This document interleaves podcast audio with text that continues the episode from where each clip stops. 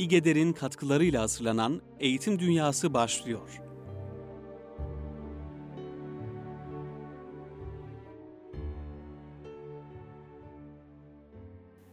Evet değerli dinleyenler, bir Eğitim Dünyası programında daha sizlerle beraberiz. Bugün Şeyh Galip'in bir şiiriyle başlayacağız programımıza. Ardından yürüme üzerine, yürümenin önemi üzerine bazı yazılarımız var. Onları bir araya getirerek bir derleme yaptık. Onu sunacağız. Kıymetli dinleyenler. Efendimsin cihanda itibarım varsa sendendir. Miyanı aşıkanda iştiharım varsa sendendir. Benim feyzi hayatım, hasılı ruhi revanımsın. Eğer sermayeyi ömrümde karım varsa sendendir.''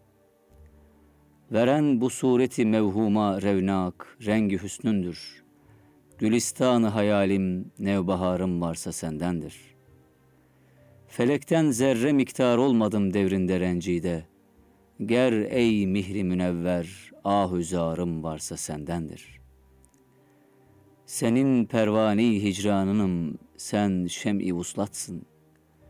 Beher şeb habişi, busu kinarım varsa sendendir.'' Şehidi aşkın oldum, lalezarı dağdır sinem. Çerağı türbetim, şem-i mezarım varsa sendendir. Gören sergeçlikte girdi bağdı deşti zanneyler. Fena ender fenayım, her ne varım varsa sendendir. Niçin avare kıldın gevheri galtanın olmuşken, gönül ayinesinde bir gubarım varsa sendendir.'' Şafakta beyledin peymanemi huna bile saki.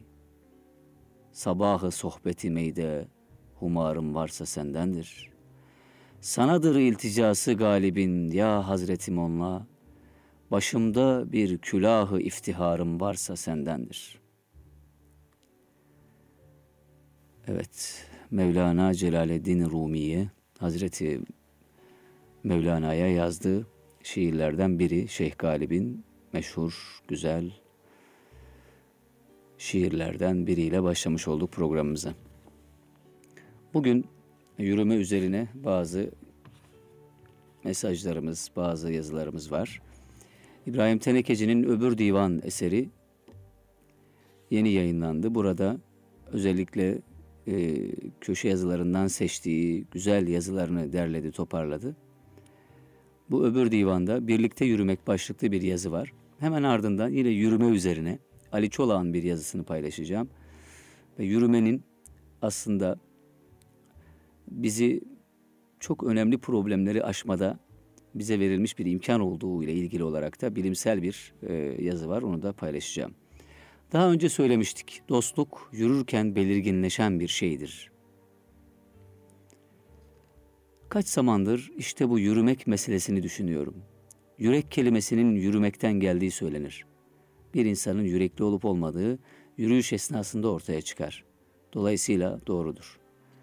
Basit olacak olsun, yürümenin birinci şartı ayağa kalkmaktır. Sezai Karakoç, tarihte her hareket hep bir kişinin ayağa kalkmasıyla başlamıştır diyor. Ayağa kalkan insan yürümek ister. Bu devletler ve milletler için de böyledir. Selçuklular, Osmanlılar, Almanların İkinci Dünya Savaşı macerası gibi. Niçin yürüdüğümüz, yürüyüşün kendisinden daha önemlidir. Söz gelimi dikili bir ağacım olsun diye yola çıkanların büyük bir kısmı sonradan ormana bile razı olmamışlardır.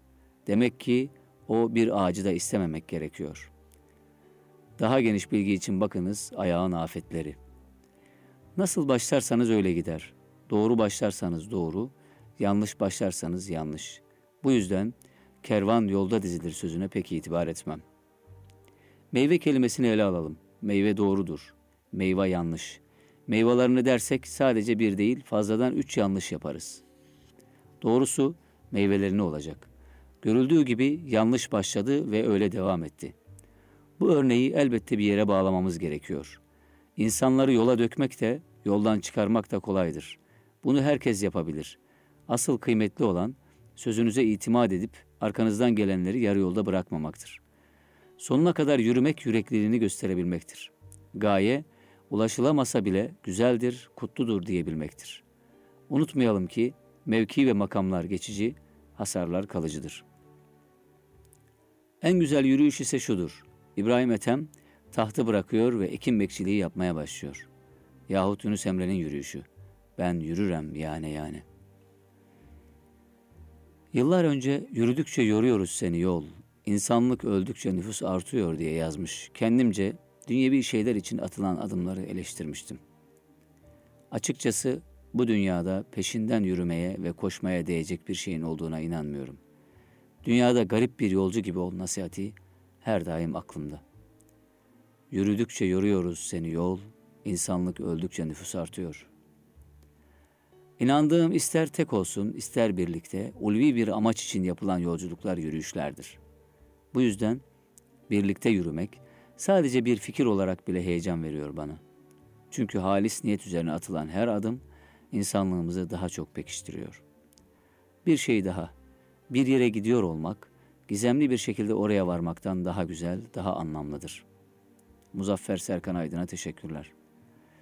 Yürüyüş esnasında sadece yol arkadaşlarımız değil, kendimizi de yakından tanıma imkanı buluruz. Tahammül sınırlarımız ortaya çıkar.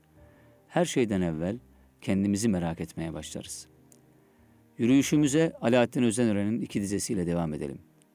Ölebilirim senin için bu dünyada ve öbür dünyada. Bu derin sözleri ancak uzun ve zorlu bir yürüyüşü birlikte tamamladığımız bir insana söyleyebiliriz diye düşünüyorum. İsmet Özel'in bir soru üzerine şu cevabı verdiği rivayet edilir. Biz dostlarımıza arkadaş deriz, öndaş demeyiz.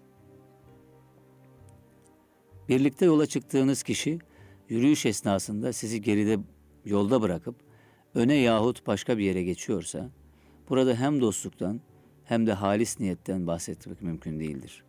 Sadece şu söylenebilir.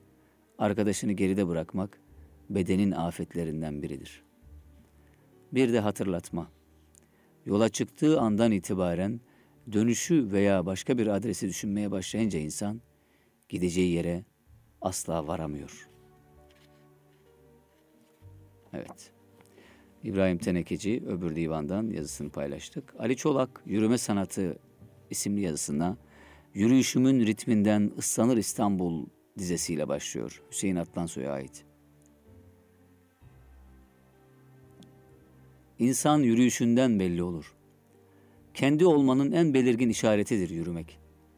Düşüncenizin kararlılığı, inceliği yahut dağınıklığı adımlarınıza vurur. Yere basıyor olmak, toprakla bir alışverişi bulunmak, yaşıyor olmanın ispatı ve belki de mutlulukların en güzelidir. Yürümenin de bir adab-ı muaşereti, bir üslubu vardır. Başlı başına bir sanattır yürümek. Halk şairleri, şiirlerinde sevgilinin yürüyüşünü, boşuna ceylanın yürüyüşüne, kekliğin sekişine ve servilerin salınışına teşbih etmemişlerdir. Ceylan sanki incitecekmiş gibi basar toprağa. Şiir gibi, tüyün yere konuşu gibi süzülür. Keklik, bir var, bir yok gibi yumuşak dokunuşlar bırakır yere. Öyle aceleyle geçiştirilecek işlerden değildir yürümek. Amaçsız, başıboş sürüklenmemeli ayaklar. Hele kalabalıkların içinde itişip kakışarak, sağa sola yalpalayarak gidişe yürümek denmez. Yürüyecekse zamanını iyi seçmeli insan. Ne bileyim sabahları yürümeli. Sokakta kimsecikler yokken çıkmalı. Yolların tadını çıkarmalı. İncecik bir yağmur çiseliyorsa yahut kar taneleri süzüle süzüle iniyorsa hiç durmamalı, alıp başını gitmeli. Gece yarısı yürümeli mesela. Yıldızlara baka baka dolaşmalı şehri. Şimdilerde kimse adam gibi yürümüyor. Büyük şehirlerde, özellikle İstanbul'da yürümeyi başarabilen var mıdır? Ya koşar atlarsınız bir yerlerden yahut daracık kaldırımlarda, alt ve üst geçitlerde bir, birileriyle üst üste ona buna çarpa çarpa gidersiniz. Yürümek değil sadece taşınmaktır bunun adı. Kimse ayaklarının yere basıyor olmanın farkında bile değildir. Bir yerden bir yere ulaştırırsın, ulaştırsınız sadece. Oysa bir bilseniz yürümenin ne dayanılmaz bir lezzeti, ferahlığı vardır. Sıkıldığınız, bunaldığınız anlarda çıkıp yarım saat yürüseniz hiçbir şeyiniz kalmaz. Hafifler, mutlu olur dönersiniz.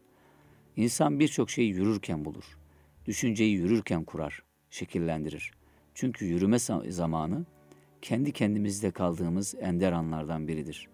Kim bilir kaç insan yeni bir düşünceyi yürüyüş anında keşfetmiştir.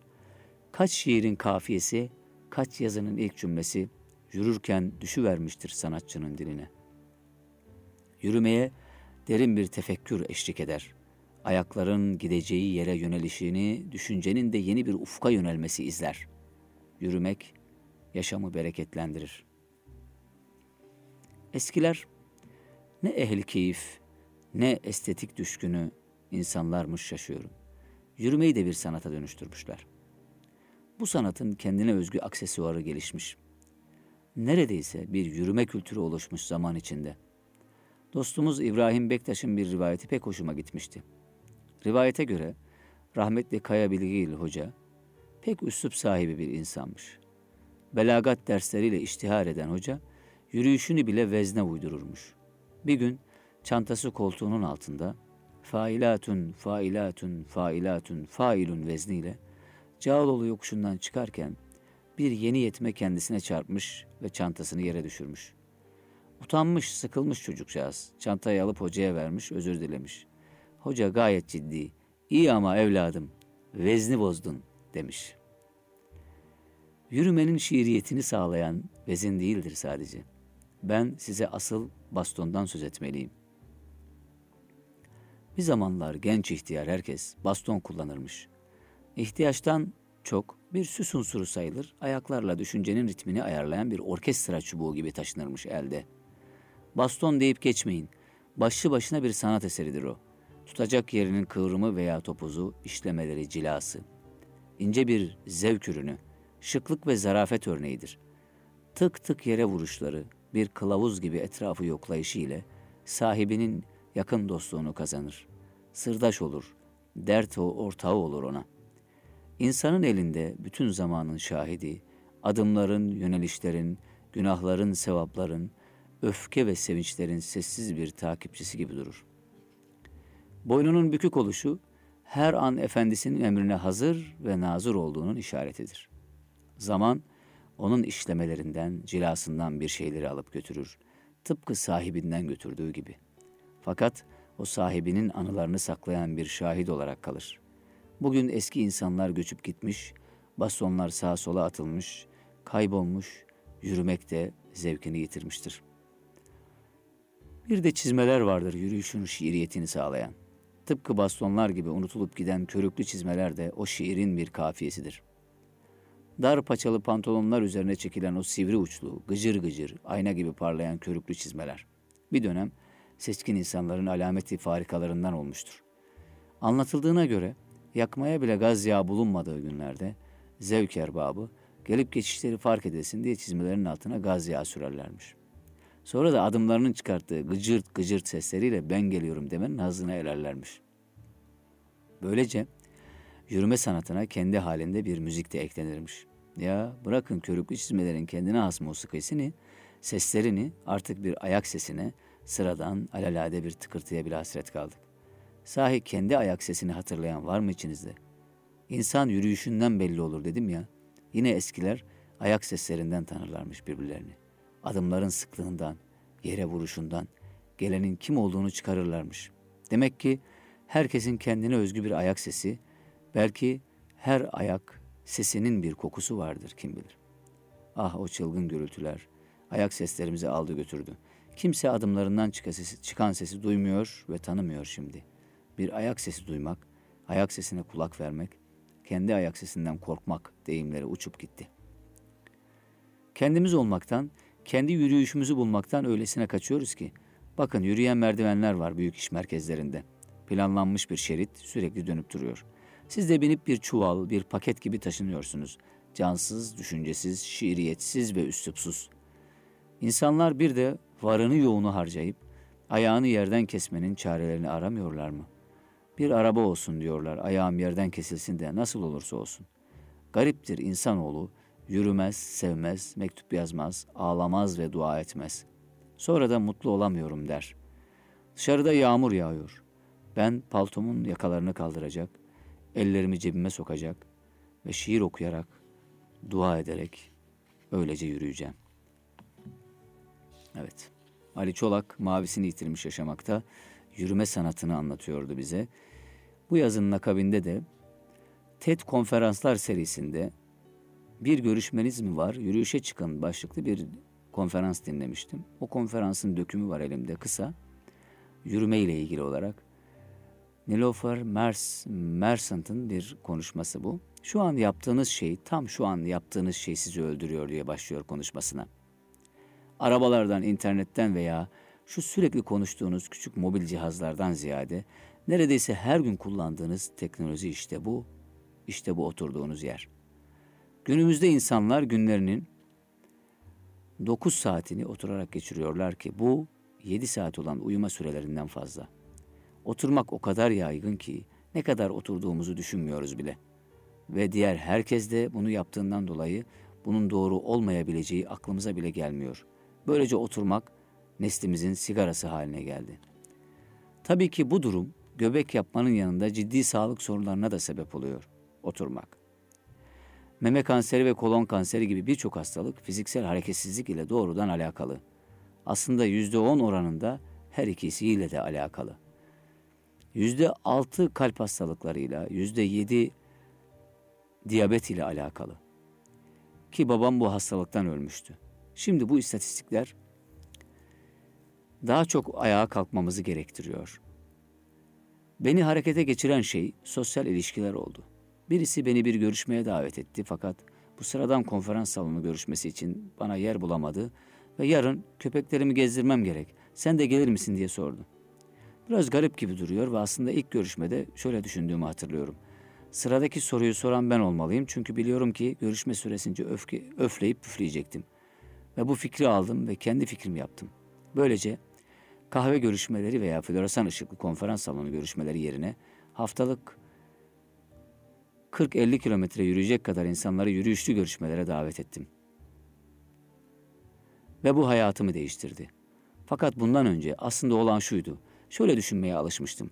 Sağlığına dikkat edebilirsin ya da görevlerine dikkat edebilirsin. Fakat birisini seçmen diğerini kaybetmenle sonuçlanır. Şimdi ise yaptığım yüzlerce yürüyüş görüşmesinden sonra birkaç şey öğrendim. İlk olarak fiilen sıra dışı olmanın sıra dışı düşünebilmeyi sağlaması. Tabiat ya da egzersizin kendisi. Hangisi olursa olsun bu kesinlikle işe yarıyor.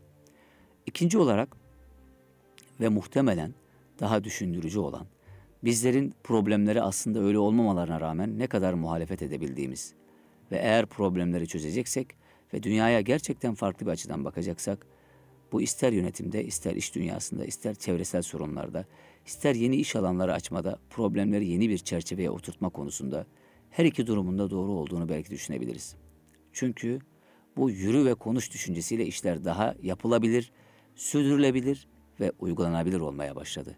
Yürü ve konuş. Yürü ve konuş. Konuşmayı yürü. Temiz havanın taze fikirleri nasıl oluşturduğunu gördüğünüzde şaşıracaksınız. Bunu yaparken de hayatınıza tamamen yeni düşünceleri getireceksiniz diyor. Eğitim dünyasında bugün yürüme üzerine bahsi açtık. Yürümenin insan için öneminden bahsettik. Ali Çolak, İbrahim Tenekeci ve Nilofer Mersent'in bir konuşmasını paylaştık. Hazreti Peygamber'in öğretim metotları üzerine, eğitim metotları üzerine konuşuyorduk daha önceki programlarda. Abdülfettah Ebu Gudde'nin bu konu üzerine güzel bir araştırması var. Burada Peygamber, Hazreti Peygamber'in eğitim metotları üzerinde birkaç başlıkta durmuştuk. Tedrici olarak öğretmesi, kendi güzel yaşantısı ve ahlakıyla öğretmesi başlıklarını ele almıştık. Şimdi oradan devam edelim. Eğitimde itidalli oluşu, usandırmaması başlıkları var. Bizim biz öğretmenler için, eğitimciler için en önemli örnek Hazreti Peygamber'dir aleyhissalatü vesselam. Onun e, güzel hareketleri, sözleri, oradan çıkarılan dersler neler olmalı? Güzel bir yazı kitabı bu Ebu Gudde'nin. Bu paylaşımları sizlerle yapalım. Hazreti Peygamber aleyhissalatü vesselam ashabı usanmasın diye nasihatte bulunmak ve öğretmek için uygun vakit ve durumları göz önünde bulundururdu. Bu hususta itidal ve orta yolu tutmuştu. Buhari İlm Bölümü benzememeleri için Hz. Peygamber aleyhissalatü vesselamın vaaz ve ilim sohbet için ashabının uygun vakitlerini gözetmesi bahsinde, Müslim'de vaaz vermekte orta yolu tutmak bahsinde rivayet etmişler. Abdullah bin Mesud radıyallahu anh'ın kapısında oturmuş, kendisini bekliyorken yanımızda yanımızdan bir sahabi anlatıyor. Yanımızdan Yezid bin Muaviye en-Nehai geçti. Burada beklediğimizi kendisine bildirin dedik. Hemen yanına girdi. Az sonra Abdullah yanımıza çıktı ve burada olduğunuz bana söylendi. Sizi usandırmaktan çekindiğimden yanınıza gelmedim. Çünkü Resulullah Aleyhisselatü Vesselam bizi bıktırır endişesiyle vaaz vermek için uygun günleri gözetirdi dedi.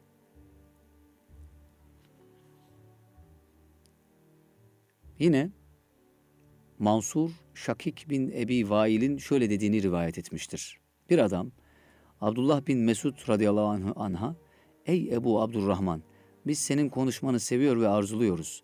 Her gün konuşmanı istiyoruz deyince Abdullah bin Mesud dedi ki sizinle konuşmaktan beni men eden şey sizleri bezdiririm korkusudur. Bu sebeple vaaz için sizlerin uygun zamanlarınızı gözetiyorum. Hz. Peygamber aleyhissalatü vesselamın bizleri usandırmaktan çekinerek uygun günlerde vaaz vermesi gibi. Bu konuda Efendimizin kolaylaştırın, güçleştirmeyin, müjdeleyin, nefret ettirmeyin hadisini anmak gerekir. Öğrenenlerin ferdi farklılıklarını göz önünde bulundurması. Hz. Peygamber, dinleyicilerin ve soru soranların ferdi farklılıklarına son derece dikkat ederdi. Herkesin anlayışına ve seviyesine göre hitap ederdi. Yeni başlayanların durumlarını göz önünde tutar, son noktaya gelmiş olanlara öğrettiklerini onlara öğretmezdi. Herkesin sorusuna onu ilgilendiren kadarıyla ve durumuna uygun olarak cevap verirdi. Enes bin Malik radıyallahu anh şöyle demiştir. Hazreti Peygamber aleyhissalatü vesselam Muaz terkisinde semerin üzerindeyken ya Muaz diye seslendi. Muaz da buyur ya Resulallah. Senin emrine koşmak benim için mutluluk diye icabet etti. Resulullah aleyhissalatü vesselam yine ya Muaz diye seslendi. Muaz da buyur ya Resulallah senin emrine koşmak benim için mutluluk dedi. Resulullah sallallahu aleyhi ve sellem tekrar ya Muaz diye seslendi. Muaz da buyur ya Resulallah senin emrine koşmak benim için mutluluk diye karşılık verdi. Resulullah aleyhissalatü vesselam Allah'tan başka ilah olmadığına, Muhammed'in onun kulu ve Resulü olduğuna kalbiyle inanarak şehadet, şehadet getiren her kula Allah cehennemi haram kılar buyurdu. Muaz, ya Resulallah bunu insanlara haber vereyim de sevinsinler mi diye sorunca Hz. Peygamber aleyhissalatü vesselam o zaman bana güvenirler buyurdu. Burada Gudde bir dipnot düşmüş. Yani onlara söyleme çünkü müjdenin ilk bakışta göze çarpan anlamına takılırlar. Buna güvenerek amelden geri dururlar. O zaman hadis-i şerifi şöyle tekrar edelim. Bunu insanlara haber vereyim de sevinsinler mi diye sorunca e, Peygamber aleyhissalatü vesselam orayı yanlış e, okuduk. O zaman buna güvenirler buyurdu. Yani müjdenin ilk bakışta göze çarpan anlamına takılırlar diyor. Buna güvenerek amelden geri dururlar. Allah'ı tek Rab, Hazreti Peygamber Aleyhisselatü Vesselam'ı da Resul olarak kabul etmenin cehennemden kurtulmaya yeteceğini sanırlar. Hadiste murad edilenin bu iki şehadeti getirmek yanında Allah ve Resulüne itaat ederek onların dindeki haklarını ifa etmek olduğunu anlayamazlar. Bu hadisten bir takım hassas bilgilerin sadece doğru olarak anlayacak ve belleyecek kimselere tahsis edilmesinin buna hazır olmayan öğrencilere ve yanlış anlayıp buna dayanarak gevşeklik göstereceklere öğretilmemesi gerektiği anlaşılmaktadır deniyor. Evet. Bir hata ile daha çok dikkatleri e, çekmiş olduk. Bu hata da bu işe yaramış olsun inşallah. Alimler dediler ki Muaz'ın insanların buna güvenmemesi için hadisi nakletmekten men edilmesinden şu anlaşılmaktadır. Ruhsat bildiren hadisler umuma aktarılmaz. Çünkü anlayışları bunlarda kastedilenleri tam kavrayamaz. Muaz bu hadisi işitince bu onu sadece daha çok amel işlemeye ve Allah'tan daha çok korkmaya götürmüştür. Onun seviyesinde olmayan bir insanın hadisin zahirine takılıp buna güvenerek amellerinde noksanlık göstermeyeceğinden emin olunamaz. Abdullah bin Amr radıyallahu anh şöyle rivayet ediyor. Şöyle diyor ki bir adam Hazreti Peygamber sallallahu aleyhi ve selleme gelerek cihat için izin istedi. Hazreti Peygamber aleyhissalatü vesselam annenle baban sağ mı diye sordu. Adam evet deyince Hazreti Peygamber sallallahu aleyhi ve sellem onlara iyilik etmek için çalış buyurdu. Bir adam Hazreti Peygamber aleyhissalatü vesselama gelerek hicret etmek ve cihada katılmak üzere sana beyat ediyorum. Ecrini de Allah'tan bekliyorum dedi. Hazreti Peygamber sallallahu aleyhi ve sellem anne babandan biri sağ mı diye sordu. Adam evet. Hatta ikisi de cevabını verdi. Peygamberimiz Allah'tan ecir istiyor musun diye sordu. Adam evet diye karşılık verince Hazreti Peygamber o halde hemen anne babanın yanına dön ve onlara güzel muamele et buyurdu. Ebu Zer radıyallahu anh diyor ki ya Resulallah bana tavsiyede bulunun deyince şöyle buyurdular.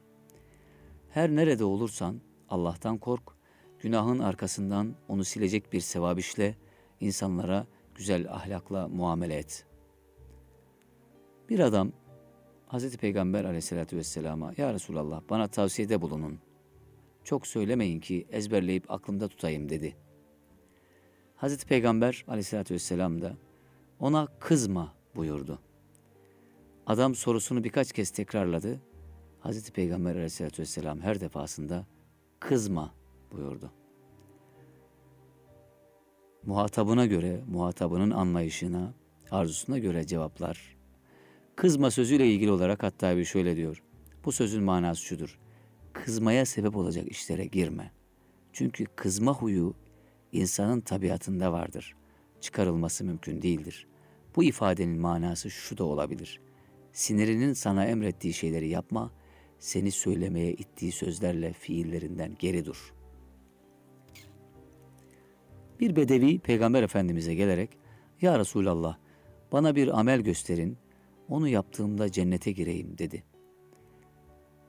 Hazreti Peygamber aleyhissalatü vesselam Allah'a ibadet edersin, ona hiçbir şey şirk koşmazsın, farz olan namazı kılarsın, farz olan zekatı verirsin, Ramazan ayında, ayında da oruç tutarsın buyurdu.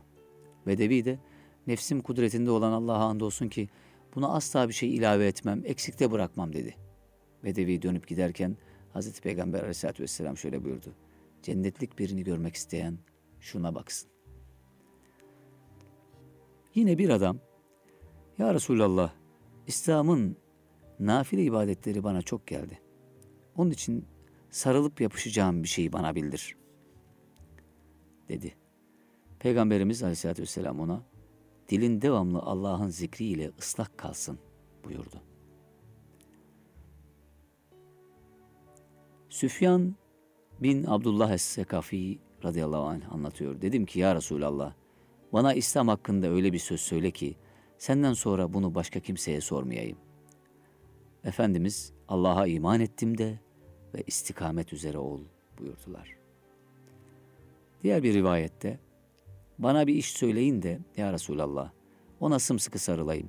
Hazreti Peygamber aleyhissalatü vesselam Rabbim Allah'tır de sonra istikamet üzere ol buyurdu.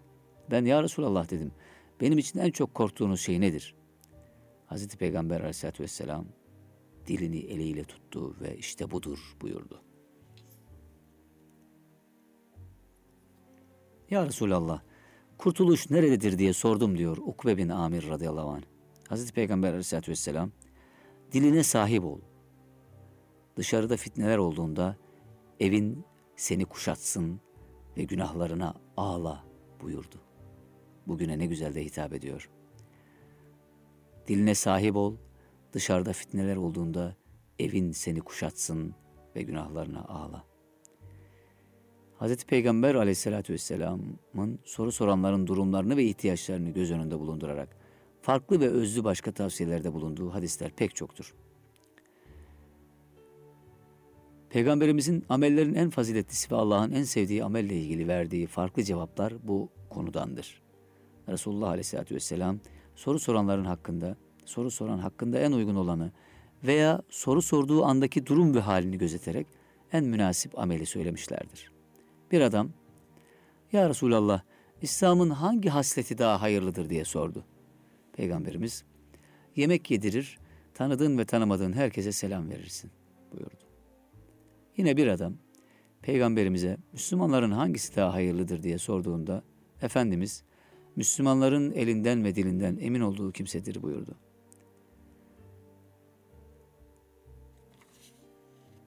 Abdullah bin Mesud radıyallahu anh diyor ki Resulullah aleyhissalatü vesselama hangi amel daha faziletlidir diye rivayette. Amellerin hangisi Allah katında daha makbuldür diye sordum. Vaktinde kılınan namazdır buyurdu. Sonra hangisidir dedim. Ana babaya iyilik yapmaktır. Sonra hangisidir? Allah yolunda cihad etmektir. Resulullah Aleyhisselatü Vesselam'a acıdığım için daha fazla sormayı bıraktım diyor Abdullah bin Mesud.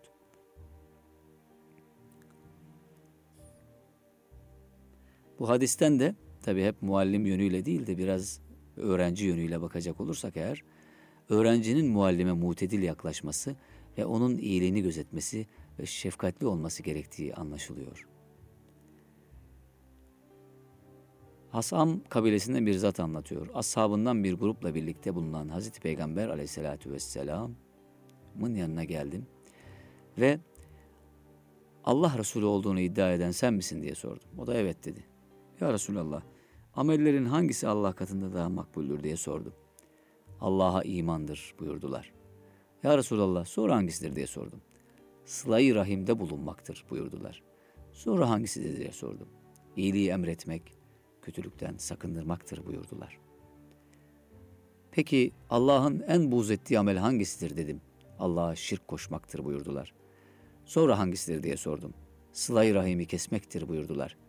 Ya Resulallah sonra hangisidir dedim. Kötülüğü emretmek, iyilikten alıkoymaktır buyurdular. Bu ve önceki hadisten diyor Budde, müftinin veya muallimin fetva verdiği veya öğrettiği insana karşı sabırlı olması gerektiğini soruların ve arz edeceği hususların çok olmasının ihtimal dahilinde olduğunu anlıyoruz. Burada Hz. Peygamber aleyhissalatü vesselamın sual soranın sorduğu andaki durumuna göre o an diğer ibadetlerden daha faziletli olan şeyi söylediği de olmaktadır. İslam'ın başlangıcında cihat amellerinin en faziletlisi, faziletlisiydi. Çünkü ibadetleri yerine getirmek ve güven içinde eda edebilmek için cihat bir vesileydi. Aynı şekilde namazın sadaka vermekten daha faziletli olduğuna dair pek çok delil vardır ama maddi sıkıntı içindeki insana yardıma koşmak anında sadaka vermek en faziletli amel olmaktadır buyuruluyor. Diyalog, diyalogla ve soru sorarak öğretmesi Peygamber Efendimizin öğretim metotlarından, eğitim metotlarından biri. Dinleyenlerin dikkatlerini toparlamak, vereceği cevaba o dikkatleri teksif etmek ve cevabın ne olabileceği hususunda fikir üretmeleri için karşılıklı konuşması ve sual sorması onun metotlarından biridir. Böyle soru sorduğunda sahabe cevap vermezse Resul'ün verdiği cevabı daha iyi anlıyorlar ve mesele zihinlerine daha iyi yerleşiyordu. Ebu Hureyre radıyallahu anh'ten Resulullah aleyhissalatü vesselam bana söyleyin sizden birinin kapısında bir nehir aksa, bakın bu yöntem, bir soru sorarak, onların dikkatini çekerek gitmek. Bana söyleyin, sizden birinin kapısında bir nehir aksa ve bundan günde beş kez yıkansa, vücudundaki kirinden bir şey kalır mı diye sordu. Ashab, hayır kirinden hiçbir şey kalmaz dediler.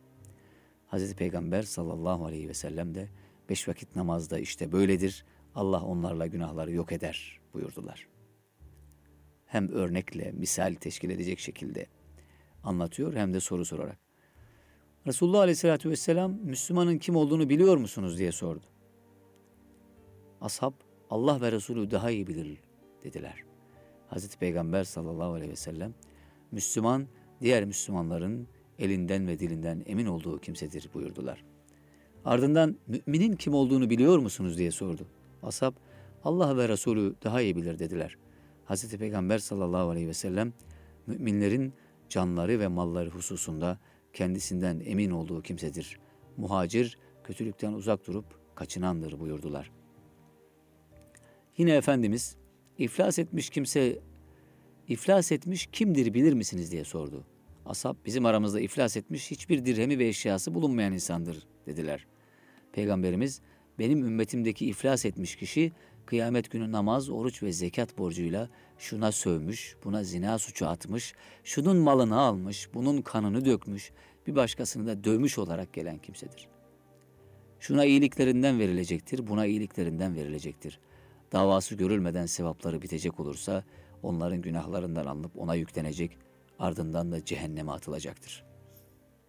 Bu hadiste Efendimiz ashabına ilk olarak sual yöneltmektedir. İkinci olarak da sorusunun cevabını vermekte ve gerçek iflasın kıyamet gününde iflas etmek olduğuna dikkatleri çekmektedir. Hz. Peygamber aleyhissalatü vesselamın karşılıklı konuşmasına dair en meşhur misallerden birisi de imanın temel prensiplerini öğreten Cibril hadisidir. Bunu sahabeden Ömer bin Hattab radıyallahu anh ve başka sahabiler rivayet ediyorlar. Bir gün Hazreti Peygamber aleyhissalatü vesselamın yanındayken bembeyaz elbiseli, simsiyah saçlı bir zat çıka geldi. Üzerinde yolculuk alameti gözükmüyor, bizden de hiç kimse onu tanımıyordu. Gelip peygamberimizin yanına oturdu ve dizlerini onun dizlerine dayadı. Ellerini de kendi uyluklar üzerine koydu ve ya Muhammed bana İslam'dan haber ver dedi. Peygamberimiz İslam Allah'tan başka ilah olmadığına, Muhammed'in Allah'ın elçisi olduğuna şehadet etmen, namaz kılman, zekatı vermen, Ramazan orucunu tutman ve yol bakımından gücün yeterse Kabe'yi hac etmendir buyurdu. Adam doğru söyledin dedi. Hazreti Ömer diyor ki biz buna şaşırdık. Hem soruyor hem tasdik ediyordu. Bana imandan haber ver dedi Peygamberimiz Aleyhisselatü Vesselam. Allah'a, meleklerine, kitaplarına, peygamberlerine, ahiret gününe, kadere, hayra ve şerrine, kadere, hayrına ve şerrine iman, inanmandır buyurdu. Adam yine doğru söyledin dedi. Bana ihsandan haber ver dedi. Resulullah sallallahu aleyhi ve sellem görüyormuşçasına Allah'a ibadet etmendir. Çünkü her ne kadar sen onu göremiyorsan o da seni görmektedir. Bana kıyametten haber ver dedi. Hazreti Peygamber sallallahu aleyhi ve sellem bu mesele kendisine sorulan kişi sorandan daha bilgili değildir buyurdu. Öyleyse alametlerinden bana haber ver dedi. Resulullah sallallahu aleyhi ve sellem cariyenin efendisini doğurması, yalın ayak, çıplak, yoksul koyun çobanlarının yüksek binalar inşa etmek ve bununla övünmekte birbiriyle yarış ettiklerini görmendir buyurdu. Aman Allah. Ve Hazreti Ömer diyor ki bundan sonra o zat gitti. Ben uzun bir müddet bekleyip durdum. Sonra Hazreti Peygamber aleyhissalatü vesselam bana ya Ömer sual soranın kim olduğunu biliyor musun diye sordu. Allah ve Resulü daha iyi bilir dedim. O Cibril'di size dininizi öğretmeye geldi buyurdu. Bu hadisten istifade edilen öğretimle ilgili hususlardan bazıları şunlardır diyor Ebu Gudde. Bir, kişi bir alimin meclisine geldiğinde oradakilerin ihtiyacı olan ama sormadıkları bir hususu fark ederse bunu sormalıdır. Böylece alacağı cevap herkese faydalı olur. Alimin soru soracak insana şefkatle yaklaşması ve onu yakınına getirmesi gerekir. Böyle yaptığında soru soran korkmadan, ıkınıp sıkılmadan rahatça sorusunu sorabilir. Yine bu hadisten dinleyenlerin öğrenmesi maksadıyla kişinin bildiği bir hususu alime sormasının caiz olduğunu anlıyoruz. Size dininizi öğretmeye geldiği ifadesinden de güzel sualin ilim ve öğretme olarak isimlendirildiğini görüyoruz. Çünkü Cibril soru sormak dışında bir şey demedi. Buna rağmen Hz. Peygamber aleyhissalatü vesselam size dininizi öğretmeye geldiği sözüyle onu muallim olarak niteledi. Arapların bu baptaki şu sözü de meşhurdur. Güzel soru ilmin yarısıdır. Bir eğitimci olarak Hz. Peygamber aleyhissalatü vesselam ve öğretim metotları Abdülfettah Ebu Gudde'den paylaşımlarda bulunduk Eğitim Dünyası programında. Bugünlük bu kadar diyoruz. Son olarak hatırlatma yapmak isteriz. 30 Nisan'da Cumartesi günü İgeder'de Gönül Kürsüsü programımız var biliyorsunuz. Bunu daha önce de hatırlatmıştık. Konuğumuz, ikinci konuğumuz Ahmet Taş getirenden sonra Emin Işık hocamız olacak. Emin Işık hocamızın Aşkı Meşk Etmek kitabını öğretmen arkadaşlarımız okuyacaklar ve o kitabı okuyarak programa gelecekler. Orada Emin Işık hocamızla hasbihal etmiş olacağız. 7 Mayıs'ta da e, hanım öğretmenlerimize dönük Gönül Kürsüsü programımız var. Yine Emin Işık hocamız orada olacaklar. Yine aynı kitabı öğretmen arkadaşlarımız okuyacaklar ve bu programa saat e, 5'te olacak program 17'de yine İGEDER'de olacak. E, Emin Işık hocamızla buluşacaklar ve hasbihal edecekler. Bugünlük bu kadar. Haftaya buluşmak dileğiyle. Hoşçakalınız.